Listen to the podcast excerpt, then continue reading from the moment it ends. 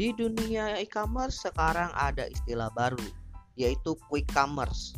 Loh, ini bedanya dengan e-commerce itu sendiri apa? Sini gue jelasin. Mungkin banyak yang berpikir ketika kita bilang quick commerce itu itu istilahnya udah berbeda dengan e-commerce. Padahal quick commerce itu adalah sub dari e-commerce itu sendiri. Di mana yang membedakan itu adalah jelas banget dari namanya udah quick artinya ada yang dipercepat di sini yaitu pengiriman barangnya buat teman-teman yang udah sering belanja di e-commerce kayak Tokped, Bukalapak, mungkin kalian sadar bahwa kalau kalian itu belanja dan ngirim barang itu bisa memakan waktu sekitar 1 sampai 2 harian. Nah, inilah yang dipecahkan oleh uh, quick commerce itu di mana pengiriman barangnya itu dipersingkat bahkan bisa dikatakan dengan target maksimal itu satu jam Selain quick commerce ya orang juga masih sering ketukar dengan istilah lain yang masih sama di dunia e-commerce yaitu e-groceries. Kalau quick commerce itu ya itu kan fokusnya itu adalah pengiriman barang itu yang dipercepat. Sedangkan kalau e-groceries itu itu sebenarnya lebih fokus ke uh, jenis barangnya yang uh, satu jenis ragam yaitu fokusnya di groceries atau belanjaan kebutuhan sehari-hari. Tapi apakah e-groceries itu bisa digolongkan termasuk quick commerce?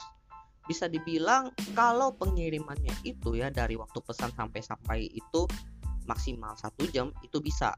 Tapi kan ada beberapa e-groceries yang kita itu harus pesan hamin satu. Terus apa yang membuat quick commerce ini e, berkembang belakangan ini?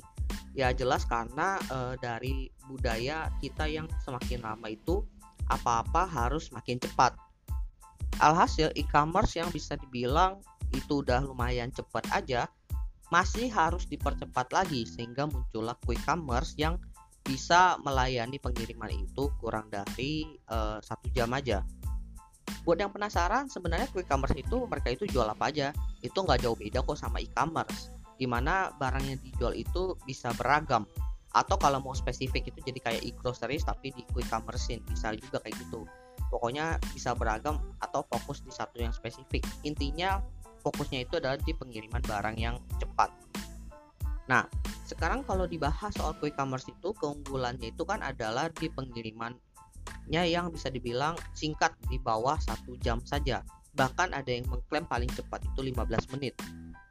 Well ini gue baca dari beberapa artikel yang gue riset. Mungkin banyak yang bertanya kira-kira gimana caranya gue bisa ngirim barang itu dalam waktu kurang dari satu jam bahkan sampai satu jam aja paling lama? Jadi ada beberapa langkah yang bisa dibilang menjadi strategi para quick commerce ini agar bisa uh, melaksanakan targetnya tersebut. Yang pertama mereka itu fokus ke produk yang paling laris. Nah itu mirip banget sama e-groceries yang fokusnya ke uh, kebutuhan sehari-hari aja which is memang paling laris karena dibutuhin gitu. Nah, makanya uh, ada groceries yang bisa dibilang tergolong salah satu quick commerce. Apalagi ya kalau kita bicara soal kebutuhan sehari-hari yang udah tergolong kayak sayur, buah itu kan harus datangnya itu dalam kondisi yang fresh. Kalau enggak bisa kena komplain. Makanya e-groceries yang dicampur dengan quick commerce itu bisa dibilang uh, cukup efektif juga Lalu strategi kedua adalah mereka itu menyiapkan yang namanya gudang mikro. Jadi gudang mikro itu adalah e, mereka itu mengumpulkan produk-produk yang paling laris tadi di salah satu gudang yang bisa dibilang di zona tertentu. Misalnya, mereka ngumpulin e, makanan buah-buahan yang paling laris itu di zona e, Jakarta Barat nih. Jadi ketika ada yang pesan di Jakarta Barat, pengirimannya langsung dari gudang tersebut. Hal ini yang menyebabkan uh, terjadi atau terbentuk sebuah pola pengiriman yang dikatakan cukup efektif karena dikirim dari lokasi gudang terdekat sehingga bisa sampai kepada customer itu dengan cepat juga.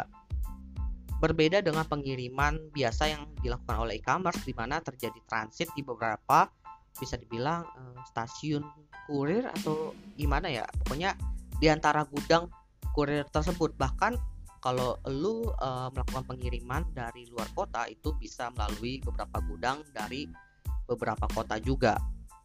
Dan terakhir ini strategi yang ditargetkan bisa dibilang lebih ke arah marketing sih di mana mereka itu fokus di harga barang dan juga biaya pengiriman di mana ini tujuannya untuk menggait pengguna aja ya karena harga barang itu kalau seandainya cepet tapi mahal orang juga males beli terus kalau misalnya barangnya murah tapi pengirimannya itu juga mahal orang juga males mesen.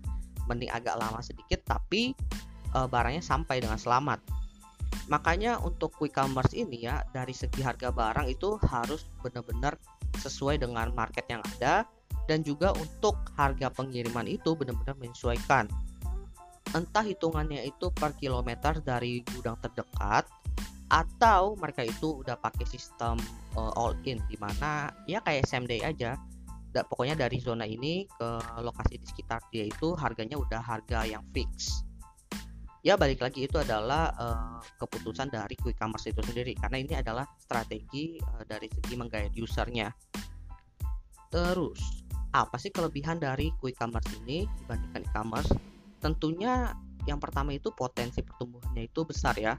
Kalau berkaca dari kakaknya aja yaitu e-commerce di mana pertumbuhan quick commerce ini uh, tergolong lumayan cepat karena semakin lama orang semakin sibuk dan butuh kebutuhannya itu terpenuhi secara cepat maka potensi pertumbuhannya itu juga cukup besar. Lalu yang kedua itu mereka itu bisa berpotensi bermitra dengan bisnis yang lain untuk menunjang perkembangannya.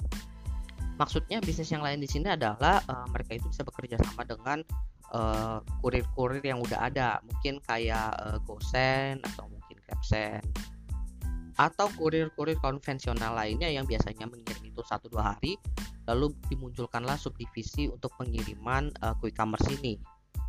Lalu karena mereka itu juga pakai gudang mikro berarti mereka itu pastinya bermitra dengan para pemilik gudang tentunya. Dengan begitu hal ini aja udah bisa mengembangkan tiga sektor yang berbeda tapi tentunya ya kekurangan dari quick commerce itu sendiri adalah yang pertama itu adanya kekhawatiran hal ini akan menggerus bisnis kelontong. Mungkin hal ini tidak terjadi kalau seandainya memang e, dari quick commerce itu sendiri e, bekerja sama dengan para e, bisnis kelontong itu. Tapi kalau seandainya mereka udah menggunakan gudang mikro, ada kemungkinan mereka itu mengambilnya mungkin dari e, supplier itu sendiri sehingga e, persaingannya itu langsung dengan para bisnis kelontong yang bisa dibilang masih konvensional dan yang kedua, nah inilah uh, kekurangan yang bisa dibilang menjadi penyakit uh, dunia startup, apalagi uh, di sektor-sektor yang baru, yaitu membutuhkan modal besar untuk yang pertama menggait pengguna, yang kedua untuk uh, riset dan perkembangan. Karena hal ini adalah hal yang bisa dibilang sektor yang baru ya, kita tentunya perlu meriset bagaimana kebiasaan uh, dari masyarakat di Indonesia juga tentunya meskipun banyak yang bilang kan udah jelas sih sifatnya seperti ini sifatnya seperti ini. Tapi ketika mereka menggunakan quick commerce tentunya akan ada behavior baru yang uh, belum muncul gitu belum kelihatan di permukaan. Makanya diperlukan riset dan uji coba. Kemudian mereka ya menggunakan uang dan dari modal tersebut untuk menciptakan promo-promo yang menarik untuk menggait banyak user karena dengan jumlah user yang banyak itu, itu juga berpotensi kepada pertumbuhan dari perusahaan quick commerce.